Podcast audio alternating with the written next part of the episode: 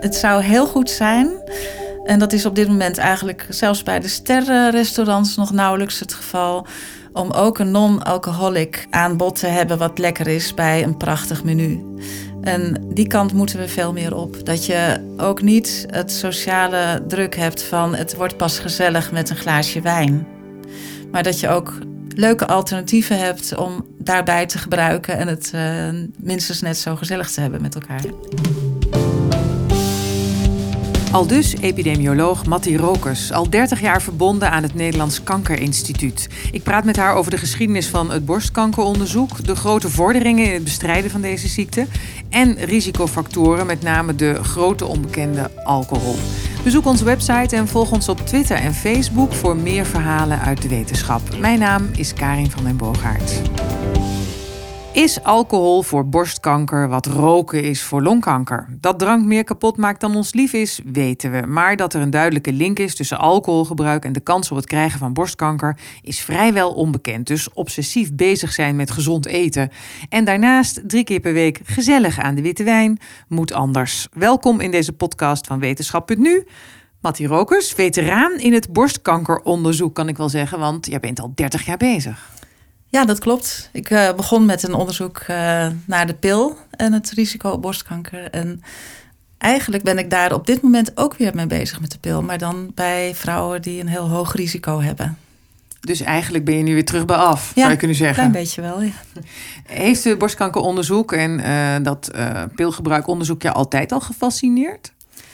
Ja, ik ben ehm, bioloog en uh, daarmee dus ook echt geïnteresseerd in hoe processen in het lichaam werken en wat er dan kan ontsporen daarin. Van borstkanker was al langer bekend dat het een hormoongevoelige tumor is.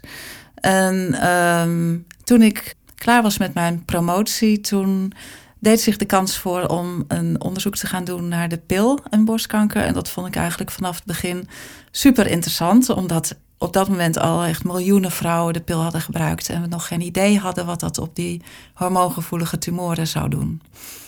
En nu, zeg je, ben ik weer bezig met een onderzoek. Maar nu weten we toch veel meer, 30 jaar na dato? Ja, dat klopt. Maar we weten nog maar vrij kort, nou ja, kort in, de, in onze tak van sport, uh, zeg maar vanaf 95, dat uh, vrouwen die een bepaald soort genetische afwijking hebben in BRCA1 of BRCA2, dat die um, zowel een hoog risico op borstkanker als eierstokkanker hebben. En de pil, die, wat we dus nu weten, de pil verhoogt het risico op borstkanker, maar verlaagt heel erg het risico op eierstokkanker. Dus we zijn nu bezig om te kijken van is dat nou, hoe valt die balans dan uit bij die vrouwen die zo'n afwijking hebben? Nou, wellicht kunnen we daar een andere sessie uh, aan wijden, hè, als daar meer over bekend is. Borstkanker nu. Borstkanker is de meest voorkomende soort kanker bij vrouwen. Jaarlijks treft het wereldwijd ongeveer 1 miljoen vrouwen. In Nederland krijgt 1 op de 9 vrouwen borstkanker. Uh, die kans is vier keer zo groot als voor vrouwen in Afrika en Azië. Kan je dan zeggen dat het een westerse ziekte is? Ja, klopt. Het is een duidelijke westerse ziekte en dat komt dus door onze westerse leefwijze. Heel een tijd geleden zijn er een paar van dat soort uh, migrantenstudies gedaan. Dat bijvoorbeeld Japanners van Japan naar Amerika verhuisden. Dus een, een pakketje DNA kan je zeggen. Je, het kan niet door de genen komen, het verschil in ziekte wat ze daarna krijgen. En je zag heel duidelijk bij die Japanners in Amerika meteen het borstkankerrisico toenemen in de daaropvolgende generaties. Die gingen heel veel vet eten, hamburgers en cola drinken? Nee, het lag dus uh, niet uh, aan dat soort hele directe factoren. Maar uh, zoals, dat was wel grappig, ergens. Wel grappig. Je zag de darmkanker eerder stijgen dan de borstkanker. Dus uh, dat soort e foute eetpatronen hebben eigenlijk sneller invloed op darmkanker in dezelfde generatie. Maar de tweede generatie van die uh, Japanners, die, die lieten pas dat verhoogde risico op borstkanker zien. Hoe kan dat dan verklaard worden? Nou, dat kwam doordat uh, factoren die met voortplanting samenhangen een hele belangrijke rol spelen.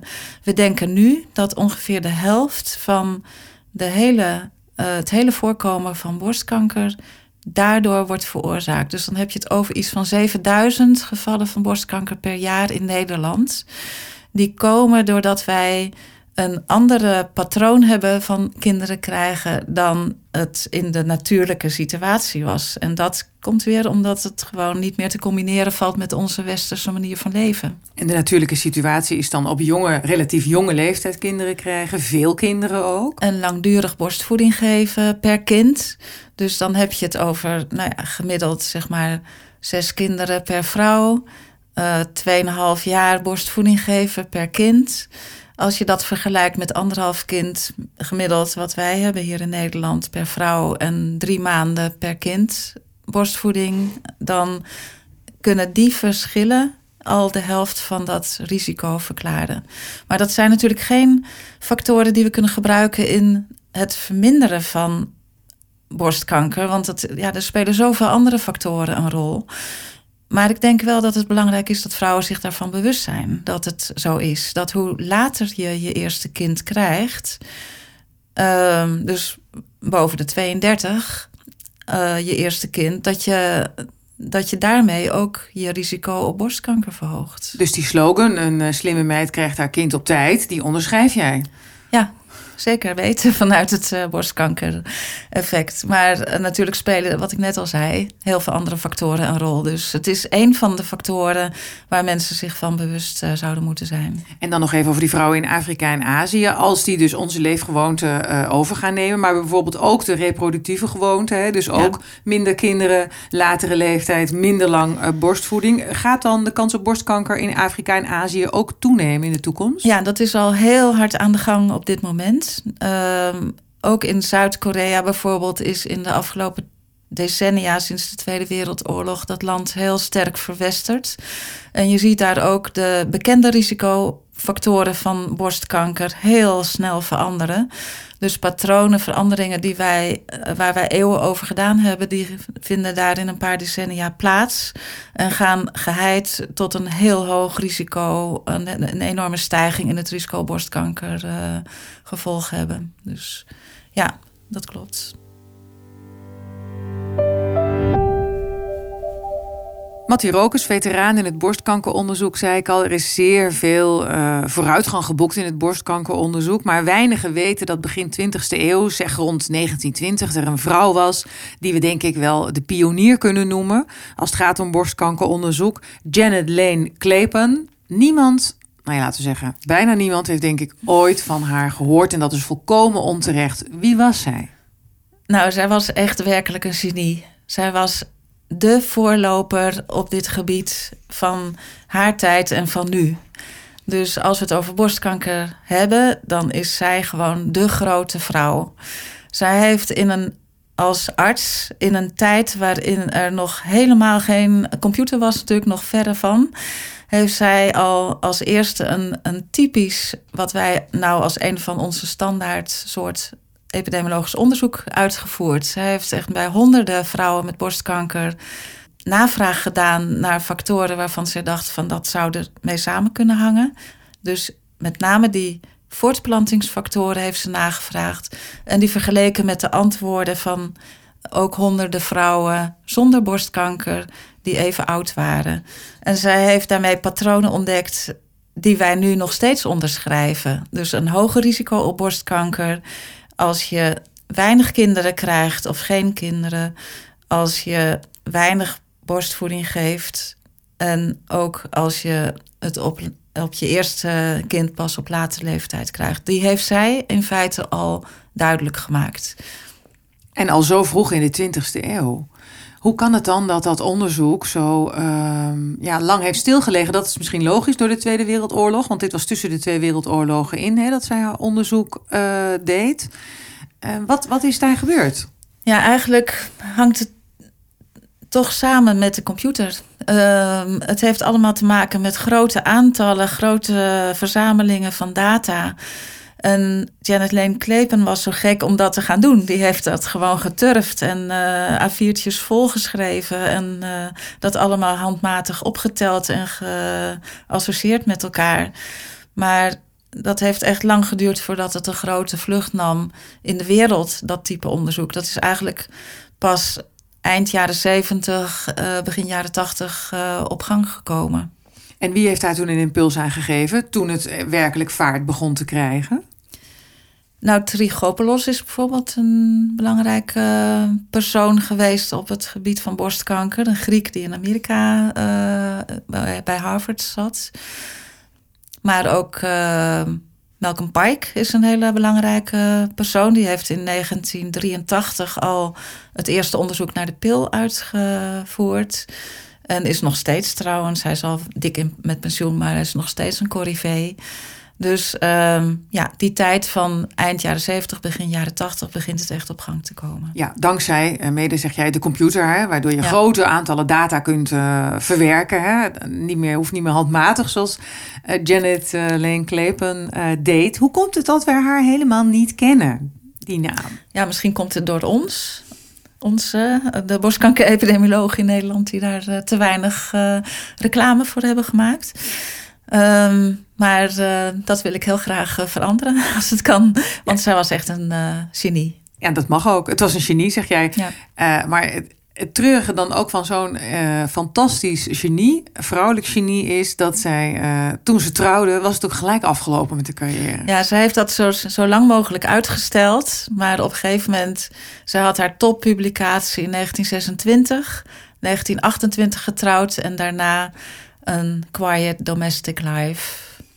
Zonde, hè? Ja, het is echt puur, puur zonde. Zo'n gedreven iemand die eigenlijk al haar tijd ver vooruit was, dat ze dan helemaal niks meer heeft kunnen doen op haar vakgebied. Dat was echt uh, gewoon groot drama tekenend voor die tijd. En wat eigenlijk nog ja, decennia lang met vrouwen is gebeurd natuurlijk. Ja, precies. En voor de positie van vrouwen. Hè? Want die werden hier in de jaren 50, als gingen trouwen tot ver in de jaren 60 natuurlijk ook gewoon ontslagen. Die werkten ook niet meer. Ja, ja zeker hier in Nederland heeft dat ook nog heel lang uh, doorgewerkt. Klopt. Nou, we hebben Janet Lane Kleepan nu aan de vergetelheid ontrukt. Hè? Ja. Uh, wie weet, wordt er nog eens iemand uh, wakker en denkt: ik ga een biografie over haar schrijven of haar leven nader bestuderen, dat we weer wat meer van de horen. Maar in ieder geval, haar invloed op het borstkankeronderzoek is uh, evident. We moeten er met zeven mijlslaarzen doorheen. Welke mijlpalen zou jij kunnen noemen in het onderzoek om tot de kennis te komen die wij nu hebben over de, het ontstaan en de factoren die daar invloed op hebben op het ontstaan van borstkanker? Is dat vooral, degene, degene komen later hè, met het ontdekken van DNA? Klopt. Um, nou, na die voortplantingsfactoren zijn eigenlijk vooral uh, een aantal factoren, vijf factoren, heel duidelijk, leefgewoonten heel duidelijk geworden, die ongeveer 30% van de borstkanker verklaren. Dus als je die vijf naar een gunstiger niveau weet te brengen, dan kan je meer dan uh, 4000, 4500 gevallen van borstkanker voorkomen per jaar. Dus we hebben het over best wel hele relevante zaken. Nou, wat zijn die vijf factoren? Je noemde er net al twee: roken en alcohol. Ieder, uh, ieder zo'n beetje dik duizend gevallen per jaar als uh, gevolg van het gedrag van op dat gebied. Um, overgewicht, 800 per jaar. Uh, lichaamsbeweging ook zoiets. En uh, dus gebrek aan lichaamsbeweging. En uh, voeding. Die vijf, dat zijn uh, belangrijke factoren. In de voeding is het best lastig om te achterhalen welk aspect dat nou is. Natuurlijk de totale hoeveelheid energie, wat zich dan weer uh, verspiegelt in het overgewicht. Maar ook um, groente en vezel, die uh, lijken belangrijke factoren voor specifieke vorm van borstkanker, om die te voorkomen. Maar um, roken, dat is eigenlijk ook pas vrij recent duidelijk geworden dat er met name de duur en de frequentie van het roken voor de eerste zwangerschap een hele belangrijke risicofactor is. En uh, nou, dan hebben we het over 1300 gevallen per jaar. Dus daar ook weer de relatie tussen roken, met name op de hormonen, omdat borstkanker een hormoongevoelige tumor is. Ja, het kan ook uh, de carcinogene stoffen zelf zijn die in het bloed komen en zo uh, in het borstweefsel uh, belanden. Maar en het, en roken heeft natuurlijk een hele breed scala aan tumoren. Longkanker uiteraard in de eerste plaats. En alle hoofd-halsgebied tumoren. Maar um, ja, waarom borstkanker dan speciaal daaruit springt ook weer. Ehm, dat, dat zal ongetwijfeld ook met een hormonaal pathway uh, te maken hebben. Dat denk ik wel. Het bevolkingsonderzoek, eh, de screening op borstkanker, is denk ik een grote vooruitgang om het te ontdekken en het dus ook dan te kunnen gaan behandelen. Maar eigenlijk moet je aan de voorkant zitten, aan de preventieve kant. Ja, wat mij betreft liever wel. Maar uh, je hebt groot gelijk dat uh, de introductie van de screening in uh, begin jaren negentig een heel belangrijk effect heeft gehad op het verminderen van de sterfte aan borstkanker. Dus doordat die screening zo succesvol is geworden in Nederland en zoveel vrouwen eraan hebben deelgenomen, is het aantal gevallen van borstkanker per jaar wat gediagnosticeerd wordt, wat gevonden wordt uh, in de ziekenhuizen, is toegenomen. Maar er staat tegenover dat er ook veel minder mensen aan overlijden. Het nadeel is dat er daardoor natuurlijk ook mensen borstkanker krijgen die het eigenlijk, of die te horen krijgen dat ze borstkanker hebben, die het eigenlijk nooit hadden moeten weten. Wat bedoel je daarmee? Dus ook een soort overdiagnose eh, vindt er plaats. Uh, met die huidige hele gevoelige beeldvorming kan je zulke kleine tumortjes vinden. Dat uh, artsen nu langzamerhand het gevoel hebben van ja, moeten we dit nog wel behandelen? We hebben een punctie gedaan, wat moeten we nog opereren. En uh, dus onderzoek, ook op het Antonie van Leeuwen, richt zich daar nu op van kunnen we een stapje terug doen in de kankerbehandeling, omdat de tumor zo gunstig uh, kenmerken heeft. Maar ook, ook, omdat er overbehandeld wordt, omdat je veel meer ziet met die nieuwe moderne vormen van beeldvorming. Ja, dus uh, we zijn heel erg of we, de pathologen bij ons in huis zijn ook heel erg bezig met te kijken van kunnen we de, de overbehandeling terugschroeven en uh, meer behandelen op ja, personal, op de persoon zelf en op de, de specifieke tumor die zich uh, voordoet. Ja, het wordt sowieso meer personalized medicine, toch? Hè? Uh, kankers worden nu ook benoemd naar het lichaamsdeel waar ze zich uh, manifesteren. Maar dat wordt allemaal anders, hè, langzamerhand. Er wordt veel meer gekeken naar het soort tumor, de, hè, de, de specifieke kenmerken van de tumor, niet waar die zich voordoet. Klopt. En uh, bij borstkanker heeft dat ook heel duidelijk uh, gespeeld. Dat er uh, veel meer verschillen in soorten, een stuk of nou, vijf à tien subtypes kan je al heel duidelijk onderscheiden, met name op basis van de receptoren op de cel. En uh, daar wordt de behandeling ook op afgestemd. Maar we zien ook ten aanzien van het ontstaan van borstkanker uh, soms verschillende patronen. Dus bijvoorbeeld alcohol.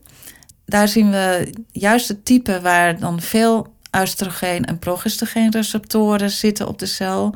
Dat type borstkanker komt heel duidelijk veel meer voor bij vrouwen die door alcohol borstkanker krijgen. Dus daar een hele duidelijke link met dat alcoholgebruik ook. Ja, precies. En uh, recent zijn ook uh, in het gezonde weefsel dat soort patronen gevonden. Dus vrouwen die alcohol drinken, die laten ook meer van dat soort receptoren op de gezonde borstcellen al zien. Terwijl er nog helemaal geen sprake is van borstkanker. Dus dat zijn wel duidelijke aanwijzingen dat er een oorzakelijk verband is tussen alcoholgebruik en borstkanker. En we zien ook een heel duidelijk. Dose-respons. Dus hoe meer alcohol, hoe langduriger, uh, hoe hoger het risico. En eigenlijk is er dus niet echt een ondergrens te benoemen. Het is gewoon hoe minder, hoe beter. Daar hoe minder, hoe beter. Liefst helemaal niks eigenlijk, als ik jou begrijp. Liefst wel, ja. maar goed, ik doe dat zelf natuurlijk ook niet. Uh, kijk, we zijn met z'n allen bezig met risicogedrag je, anders kan je de deur niet meer uit. Dus je moet dat wel een beetje eh, relativeren. Maar um, als je het hier specifiek over hebt, dan is het ten aanzien van uh, borstkanker uh, wel zo. Het onderzoek naar borstkanker kent een boeiende en ook succesvolle geschiedenis. Daar hebben we het net al heel kort over gehad. Als je bekijkt wat er bereikt is, Matti, je, je kan zeggen de sterfte neemt af. Dat is waar. Maar borstkanker komt wel meer voor. Ja. Wat zou jij benadrukken? Hoe kijk jij er tegenaan? Ja, ik, uh, als epidemioloog ben ik natuurlijk vooral gericht op het voorkomen en te proberen om dat uh, terug te dringen. En die voortplantingsfactoren, dat zijn natuurlijk zaken die lastig te veranderen zijn, maar waar een bepaald bewustwording in de, onder de vrouwelijke bevolking, maar ook de mannen zeker ook, een heel belangrijke rol zouden kunnen spelen. Ik bedoel, als je het niet weet, dan ga je er sowieso geen rekening mee houden. Maar als je het wel weet, dan kan het mede een rol spelen om te bedenken van nou, ik probeer die borstvoeding nog uh, even iets langer door te laten lopen. Ik stop er niet per se op het moment dat ik weer moet gaan werken mee. Uh, het hoeft niet meteen fulltime door, maar een beetje afkolven en begin, eind van de dag nog door laten lopen. Of als ik toch kinderen wil, misschien niet eerder. Precies, dat soort uh, beslissingen die zouden echt al veel invloed kunnen hebben.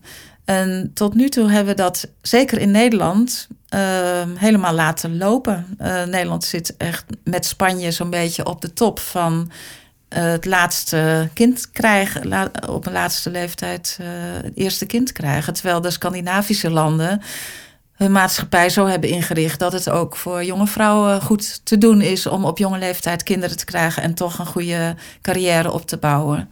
Dus het heeft echt ook wel met maatschappelijke omstandigheden te maken. Um, ook de mogelijkheden voor mannen om voor kinderen te zorgen. Nou, daar zijn we hier in Nederland net de allereerste stapjes voor aan het zetten.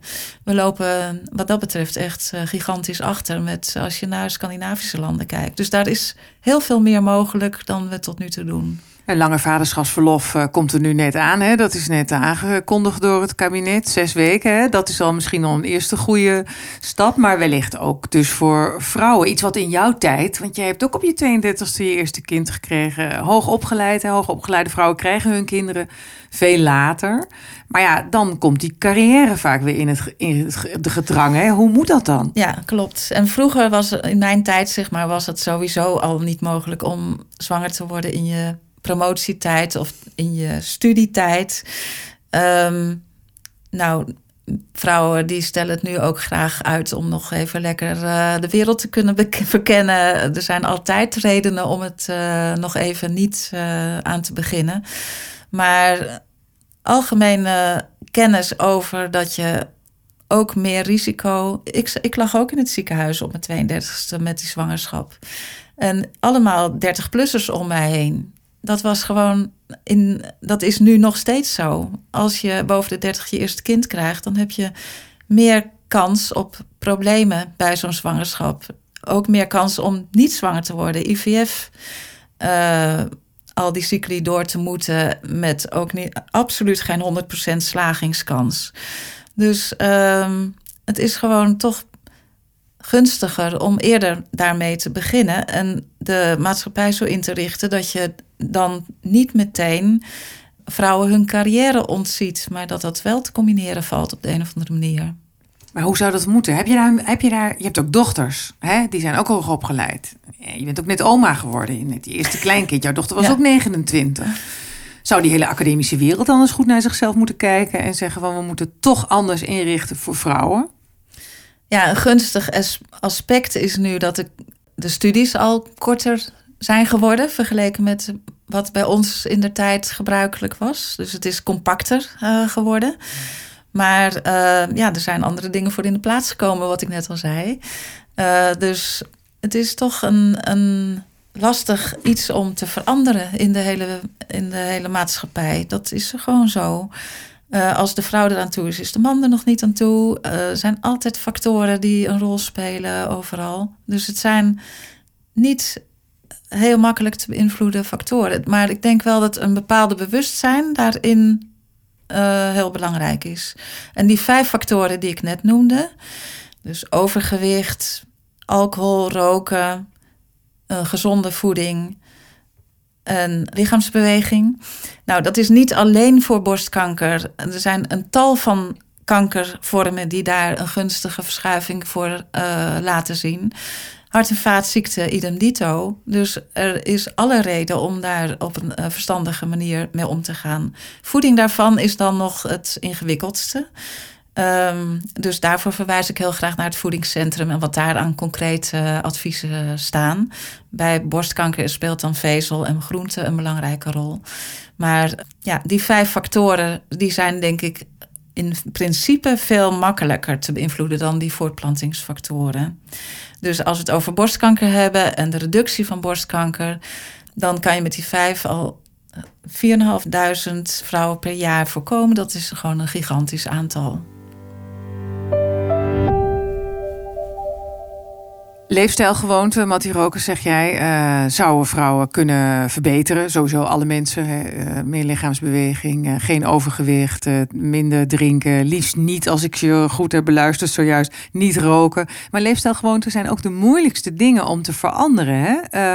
en als je dan op de alcohol concentreert, hè, de relatie alcohol-borstkanker hebben we net uitgebreid over gesproken. Maar als je het over alcohol hebt, dan zie je al die vrouwen heel erg bezig zijn. Hè? De green happiness met gezond eten, superfoods en uh, wat al niet meer. Maar ja, wel drie keer in de week gezellig aan de witte wijn. Dat is dus niet slim. Ja, precies. Of welk wijntje past nou bij dit lekkere eten? het zou heel goed zijn. En dat is op dit moment eigenlijk zelfs bij de sterrenrestaurants nog nauwelijks het geval. Om ook een non-alcoholic aanbod te hebben wat lekker is bij een prachtig menu. En die kant moeten we veel meer op. Dat je ook niet het sociale druk hebt van het wordt pas gezellig met een glaasje wijn. Maar dat je ook leuke alternatieven hebt om daarbij te gebruiken en het uh, minstens net zo gezellig te hebben met elkaar. Maar goed, ook jij bent niet roomser dan de paus. Jij drinkt ook wel eens een glaasje wijn. Uh, als ik dan uh, mijn alcoholinname zou verminderen, moet je dan niet elke dag meer drinken? En is dan een paar glazen wijn in het weekend niet erg? Of één glas per dag en dan misschien wel elke dag? Hoe moet ik dat dan doen? Ja, het is toch zo van afhankelijk. Iedereen is anders en heeft nu een ander gewoontepatroon. Elk stapje terug is winst. Dus je moet helemaal niet per se zeggen van nou, ik moet naar nul. Want dat hou je toch niet vol. Of dat is zo'n enorme impact op je kwaliteit van leven. Maar het is wel vaak zo dat als je een klein beetje in een bepaalde richting bezig bent, je gaat ineens weer. Nou ja, ik sport op dit moment helemaal niet bijvoorbeeld. Ik fiets wel veel, maar ik sport bijna niet. Dus als ik dat weer ga doen, dan heb je meer een soort van uh, lijn van nou, dan ga ik ook niet meer zoveel eten hoor, want ik wil ook wat gewicht eraf. Dus je hebt eigenlijk in zijn geheel een beetje een soort van verschuiving naar iets gunstiger patroon.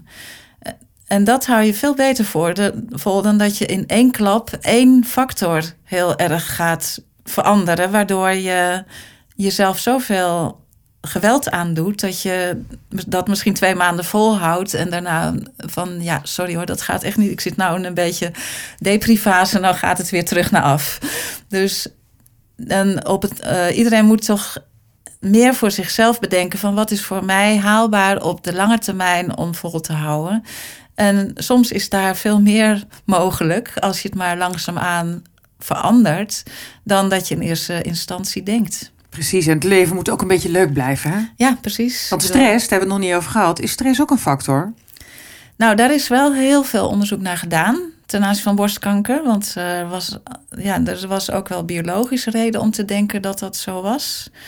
Maar nee, dat is niet uh, gevonden. Er zijn wel echt uh, ook goede onderzoeken naar gedaan, terwijl het allemaal nul was. Want eh, dat vraag ik omdat als je dan zo druk zit te maken of je leefstijl ja. uh, wel goed gezond je stress toeneemt, dan, je stress toeneemt, dan heeft dat eigenlijk ook weinig nee. zin. Maar gewoon matig met alles, dat lijkt me een goed advies. Hè? Dat is al een heel oud advies. Alles waar te voor staat is, is niet goed. Ja, en er kan ook iets gunstigs voor in de plaats komen. Het is niet allemaal zo negatief. Als je meer lichaamsbeweging hebt, dan voel je je ook prettiger en ex-rokers die zeggen dat ook. Van ja, aan de ene kant is die verleiding er nog steeds aanwezig. Maar dat is gewoon omdat je hersenen getuned zijn toen je als adolescent begon te roken. Maar je krijgt er ook heel veel meer lucht en longencapaciteit en conditie voor terug, waar mensen ook heel blij mee zijn. Ja, maar dat is juist het probleem. Je doet nu heel erg je best voor iets. Je leeft zo gezond mogelijk. En je zult nooit weten of dat borstkanker echt heeft voorkomen. Of wat voor kanker dan ook. Dat weet je niet. Nee, en dat is juist het grote verschil met longkanker. 9 van de 10 longkankerpatiënten krijgen dat door roken in het verleden. Bij borstkanker zeg je, kan je het nooit weten. Want heel veel vrouwen zeggen van ja, ik heb al die risicofactoren die je noemt. Ik heb er geen één. Maar als je dan nadenkt over die voortplantingsfactoren, dan hebben we dat allemaal. Precies. En nou ja, laten we dan ook nog afsluiten. Je kan ook gewoon pech hebben. Ja, uiteraard. Heb je alles goed gedaan? Bij borstkanker verklaren we absoluut niet uh, eh, 100% van alle tumoren. Het is een multifactoriële ziekte. Alles doet een beetje. Dus alles bij elkaar hebben we dat hoge risico bereikt. Dus we moeten eigenlijk op al die fronten stapjes terug doen. Om dat weer uh, iets te normaliseren naar een uh, acceptabeler niveau. Maar nu is het gewoon niet acceptabel. Het is gewoon veel te hoog. Het is veel te hoog en daar gaan we hopelijk, ook dankzij dit gesprek, iets aan doen. Dankjewel, Mattie Rokers, voor dit interessante gesprek. En veel succes met je onderzoek naar uh, de pil, heb je net verteld. Dus als er iets interessants uitkomt, dan uh, spreek ik je graag weer. Nou, Karen, heel graag gedaan.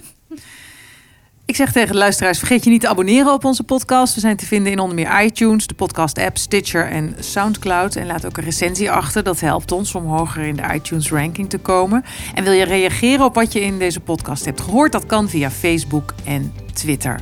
Dank voor het luisteren.